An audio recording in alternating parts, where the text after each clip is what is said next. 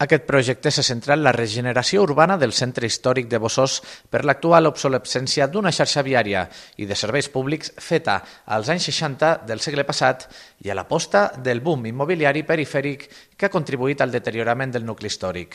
Aquest espai, catalogat com a bé cultural d'interès nacional, compta amb moltes edificacions antigues en situacions precàries. Sense anar més lluny, fa pocs anys, va caure una casa tocada de l'església que davant el poc interès per refer-la es va transformar en zona verda.